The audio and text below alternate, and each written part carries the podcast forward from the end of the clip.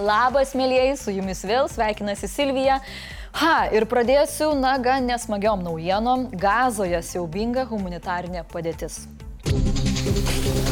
Per Izraelio smūgius gazos ruožę jau žuvo mažiausiai 2800 žmonių, dar 11 tūkstančių buvo sužeisti.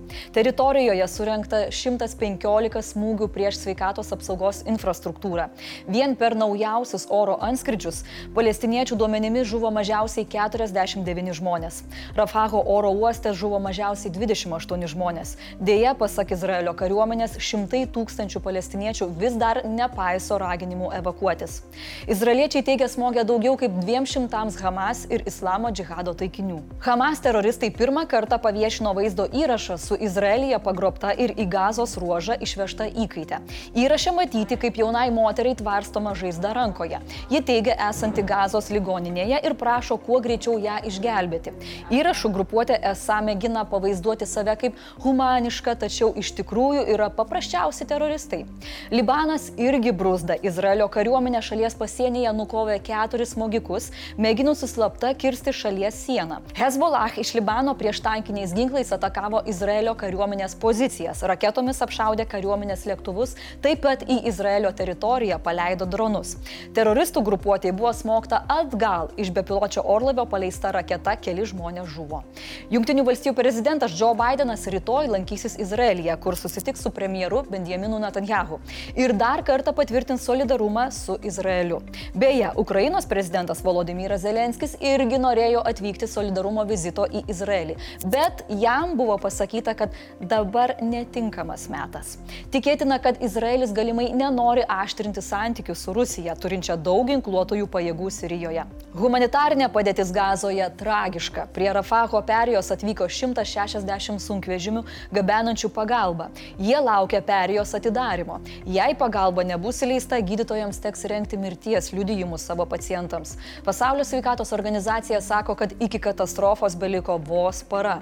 Vietos gyventojai teigia, kad beveik neįmanoma atlikti net kasdienių funkcijų - nueiti į tualetą, nusiprausti po dušu ar išsiskalbti drabužių. Ja valstybės sekretorius Blinkenas šiuo klausimu pasakė labai svarbią naujieną. Junktinės valstijos ir Izraelis susitarė parengti planą, kaip į gazos ruožą galėtų patekti humanitarinė pagalba. It is critical that aid begin flowing into Gaza as soon as possible. We share Israel's concern that Hamas may seize or destroy aid entering Gaza or otherwise preventing it from reaching the people who need it. We will work to prevent it from happening again. Junktinių tautų organizacija pranešė, kad Hamas gazos ruožė iš jos patalpų pavogė pabėgėliams skirtus degalus ir medikamentus. Apie humanitarnės pagalbos tiekimą pranešė ir ES. Be to, Izraelis vakar atnaujino vandens tiekimą pietinėms gazos ruožo zonoms, į kur šimtai tūkstančių žmonių raginami bėgti. Mordoras tęsia puolimą Avdyivkos kryptimi, netausodamas nei faršo, nei metalo. Nors ir lėtesnių tempų nei per pradinės atakas, orkai sugebėjo prasistumti į priekį maždaug už 3 km į pietus nuo Avdyivkos.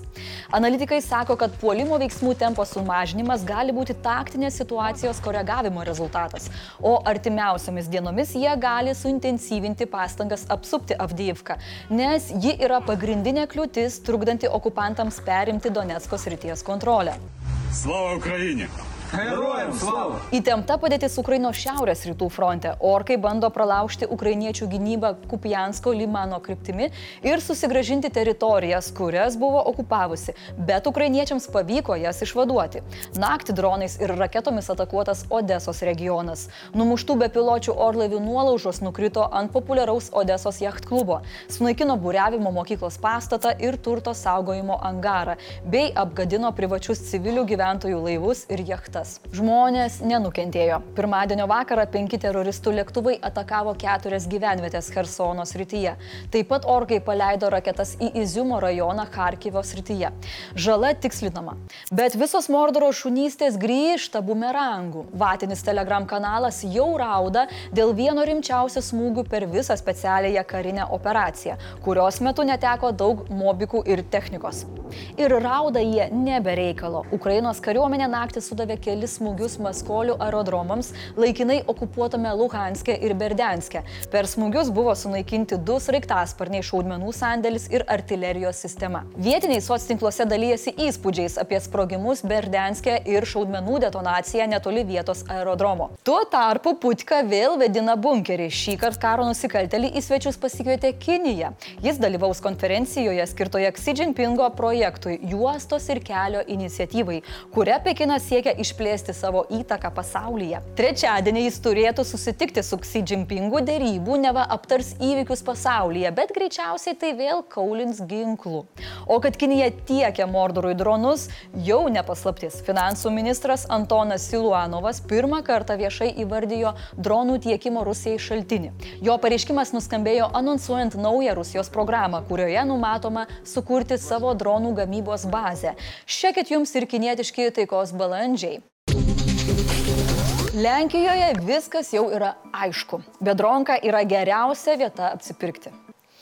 Nu, aišku, jokauju. Ta prasme, aš nežinau, gal ir yra, bet iš tikrųjų norėjau pasakyti, kad aišku yra tai, jog po aštuonerius metus trukusio konservatyviosios partijos Teisė ir Teisingumas viešpatavimo rinkimus laimėjo trijų opozicinių partijų alijansas. Tai parodė galutinai suskaičiuoti balsai. Tikslingumo dėliai reikėtų pasakyti, kad alijansas bus nugalėtojais tuo atveju, jei sukirs rankomis ir kartu formuos vyriausybę. Jie tada turėtų 248 vietas iš 400 60 galimų. Taigi kol kas panašu, kad premjeru matysime Donaldą Tuską. Beje, įdomu, kad dabartiniai valdantieji PIS techniškai surinko daugiausia balsų, todėl pagal tvarką prezidentas Andžėjus Duda kreipsis į PIS partijos lyderį ir jam suteiks pirmąjį šansą suformuoti naują vyriausybę. Parlamentarai balsuos ir spręs. Tiesa, Duda taip pat gali atsisakyti tokio varianto, argumentuodamas parlamento matematiką. Vadovaujantis Lenkijos konstitucija, įmanoma, kad visas vyriausybės formavimas užtruks du mėnesius. Beje, jei arba kai opozicinių partijų alijansas gaus progą pasimti valdžią į rankas, gali tekti daryti daug kompromisų. Piliečių koalicija, trečiasis kelias ir naujoji kairė dėl ekonomikos gana sutarė, tačiau turi skirtingą požiūrį abortų, katalikų bažnyčios įtakos ir LGBT teisų klausimais. Be to, naujoji vyriausybė gali susidurti su kliūtimis, nes prezidentas, kuris yra buvęs PIS narys, gali vetuoti teisės aktus. Tam, kad būtų atmestas veto, reikia trijų penktadalių parlamento balsų, o tokios daugumos opozicija panašu, kad neturės. Ukrainai rezultatai greičiausiai yra geri, tačiau trintis dėl grūdų jinai išliks šioje vietoje. Lauksime ženklų iš naujosios valdžios, kad ryšiai su Ukraina išliks tvirti ir stiprės. Kitas klausimas, kuris kyla, kas Lietuvai iš to? Kokia dabar bus ta Lenkija ir ką tai duos mūsų santykiams su jais? LT vyr redaktorius sako, kad į rezultatus reikėtų žvelgti su santuriu optimizmu. Lenkija, Lietuvos interesas yra europietiška Lenkija. Tai kaip ir nieko. Na, o jei norite sužinoti, ką Lenkų rinkimai reiškia Lietuvai, norite per kavos pertraukėlę prieš kolegas pasirodyti, nu, tokie kieti geopolitikos ekspertai, o gal norit per e, kiek daugiau nei pusvalandį paprotingėti, tai rekomenduojame pažiūrėti Laisvės TV laidą, spręskite patys. Nuoroda komentaruose. Pirmadienio vakarą Bruselėje įvyko šaudynės. Jų metu žuvo du žmonės, o įtariamas šaulys vilkėjęs oranžinės spalvos triukę pabėgo.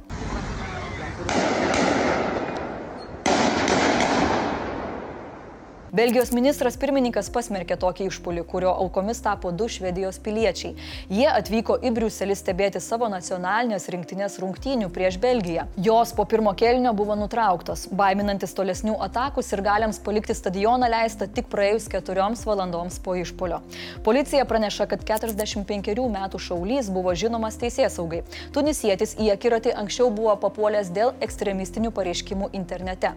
Po šio išpolio socialinėje erdvėje šaulys patalpino dar vieną įrašą. Jame teigia, kad įvykdė ataką įkvėptas Islamo valstybės.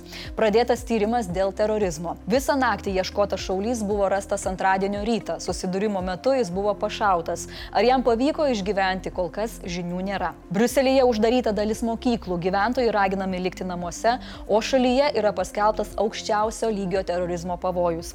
Išpolis įvykdytas prie liūdnai pagarsėjusio Molenbeko rajono. Čia anksčiau buvo ne kartą surinktos anti antiteroristinės operacijos. Šiame rajone, kaip teigiama, buvo organizuotos 2015 teroro atakos Paryžiuje. Ta kartą jos nusinešė daugiau nei šimtą gyvybių. Blitz naujienos. Antradienį policija sulaukė virš tūkstančio pranešimų dėl gautų laiškų apie sprogmenis įvairiose įstaigose. Šį kartą policija sakė pirmiausia įvertinti situaciją ir evakuotis tik būtiniausių atvejų. Tuo tarpu viename Vilniaus darželėje buvo įvestas planas skydas, tačiau gautas pranešimas dėl neiškaus daikto nepasitvirtino ir darželis tęsė įprastą darbą. Pasak Elrytas LT portalo, šią ataką atlieka ne vienas, o keleto asmenų grupė, kuri anot IT specialistų yra kažkur Rusijoje.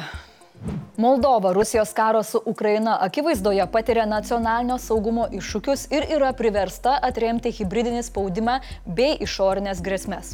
Prie šalies stiprinimo nusprendėme prisidėti ir mes. Lietuva pareiškė paramą spartesniai Moldovos eurointegracijai ir pasiūlė pagalbą šioje šalyje kurti nacionalinę krizių valdymo sistemą.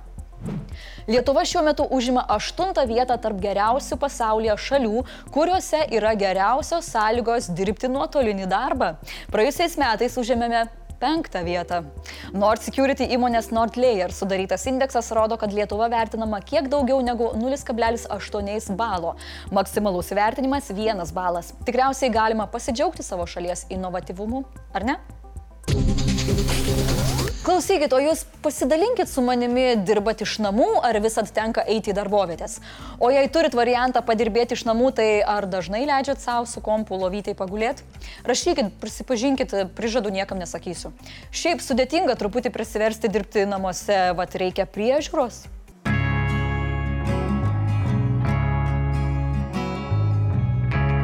Komentarų metas. Vakar prašym jūsų pakomentuoti preliminarius Lenkų rinkimų rezultatus. Komentarų ta tema buvo, bet aš atsiprašau, sureaguosiu į visai kitą reikalą. Vykintas STU parašė, kad baisesnė naujiena negu bomba jo dukrų darželėje buvo ta, kad savo namo požeminėme parkinge pamatė Žemaitaitį. Po to dar pridūrė, kad parduoda būtą su požeminiu parkingu. Hmm. Nu dabar jau nežinau, ar kažkas jį iš tavęs pirks vykintai. Mm, mm, mm, mm. Tai ta linksma gaida aš ir noriu atsisveikinti. Ačiū Jums ir tiek žinių.